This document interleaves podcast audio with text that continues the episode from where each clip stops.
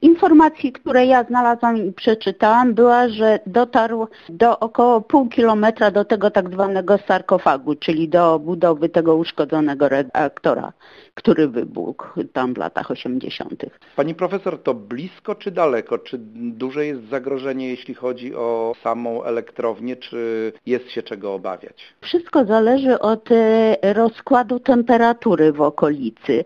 Ja akurat, ponieważ tam no, dość e, zostawione jest w taki sposób, powiedzmy, wolnego wzrostu roślin, jak to w ciągu ostatniego czasu wygląda, ile jest drzew w bezpośredniej okolicy samego reaktora, nie wiem, bo problem naprawdę pojawiłby się dopiero w momencie, gdyby niebezpiecznie wzrosła wysoko temperatura w okolicy i gdyby istniała możliwość mechanicznego uszkodzenia obudowy tego sarkofagu właśnie, bądź tam jeszcze niedaleko znajduje się taki magazyn odpadów promieniotwórczych, gdzie też dużo jest zgromadzone substancji promieniotwórczych z tego reaktora. Natomiast ponieważ z tego co ja wiem, tam służby miejscowe, szczególnie strażacy, są wysoko wyspecjalizowani do pracy w obszarze skażenia, ponieważ tam no, taki każdy człowiek nie może sobie wejść, bo ja pomogę z przyjemnością.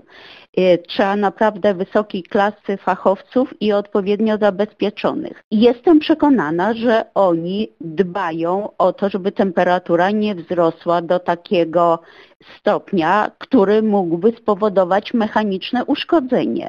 Bo sam pożar jako taki i to, że płoną drzewa, to raczej skażenia nie powinien żadnego spowodować, bo ta awaria była na tyle dawno, że powiedzmy nastąpiło tak zwane rozcieńczenie. Bardzo wiele pierwiastków tych pyłów zostało spłukanych, głęboko w ziemię wniknęło. Oczywiście trochę w runie może być, ale to nie na tyle, żeby gwałtownie wzrósł poziom skażenia promieniotwórczego.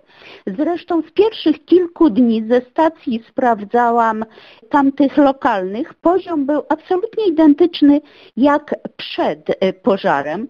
Zresztą my na terenie Polski mamy trzy stacje najbliżej leżące tego obszaru, czyli w Lublinie, w Sanoku i w Rzeszowie. Zresztą, gdyby ktoś był zainteresowany, to tak zwany każdy śmiertelnik, nie tylko fachowcy, może sobie zajrzeć na stronę naszej polskiej Państwowej Agencji Atomistyki i tam są na bieżąco publikowane dane i do porównania takie z ostatniego miesiąca.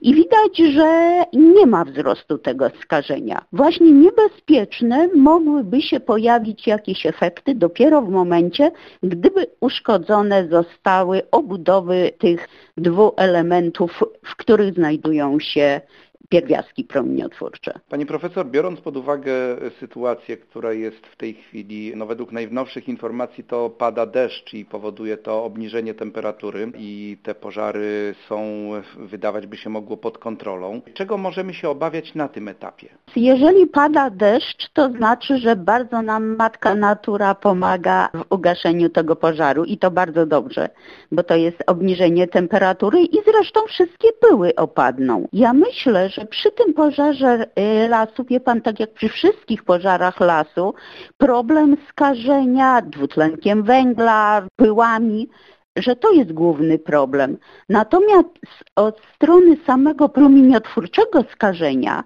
to z samego pożaru lasu wielkiego zagrożenia nie ma. Ja myślę, że ten wzrost w zasadzie nie powinien być w ogóle zauważalny, jakikolwiek. Są stacje na terenie Polski, między innymi stacja w Lublinie, które na bieżąco monitorują promieniowanie tak jak Pani wspomniała, y, ostatnio nie było żadnych niepokojących odczytów, które mogłyby wskazywać na to, że jakieś pyły z tamtej strony do nas przybywają. Tak, żadnych tego typu wskazań mierników nie było, że rośnie poziom skażenia tutaj u nas.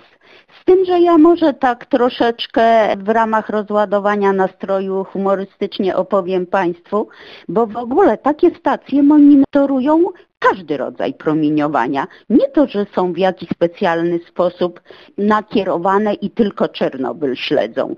Zadaniem tych stacji jest obserwowanie w ogóle poziomu promieniowania, a zresztą tak jak wielu innych parametrów w powietrzu, bo przecież tak jak przed Czernobylem nie y, spodziewaliśmy się, że z tamtej strony może coś dotrzeć, tak samo teraz nie spodziewamy się, że skądkolwiek z innego miejsca może dotrzeć. Więc ten poziom promieniowania, e, który głównie jest mierzony przez te stacje, to jest promieniowanie skał, stałe w powietrzu obecne drobne ilości pierwiastków promieniotwórczych, tak zwane promieniowanie kosmiczne, aktywność Słońca i takie krótkotrwałe wzrosty tego promieniowania oczywiście istnieją. Problem polega na tym, żeby to nie był stały wzrost, no i na przykład kilkakrotny, bo o kilka procent to się waha ciągle. Przez wiele lat u nas na budynku Instytutu Fizyki właśnie z naszego zakładu mieliśmy ustawiony własny monitor, nie taki podpięty do ogólnokrajowej sieci, ale na własne potrzeby i dla ludności mieliśmy właśnie taki monitoring włącznie ze sprawdzaniem obecności izotopów promieniotwórczych, które w czasie rozszczepienia mogą powstać. I na przykład na początku każdego deszczu następował gwałtowny skok. Drobne jakieś tam pyłki, w których znajdują się pewne ilości pierwiastków promieniotwórczych, spadały na detektor.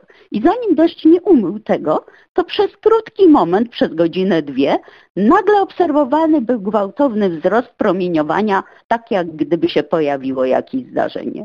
Więc właśnie problem polega nie na tym, że na krótką chwilę, chwilę w znaczeniu powiedzmy godzinę, dwie, trzy, pojawia się jakiś efekt, tylko czy nie jest to efekt długotrwały.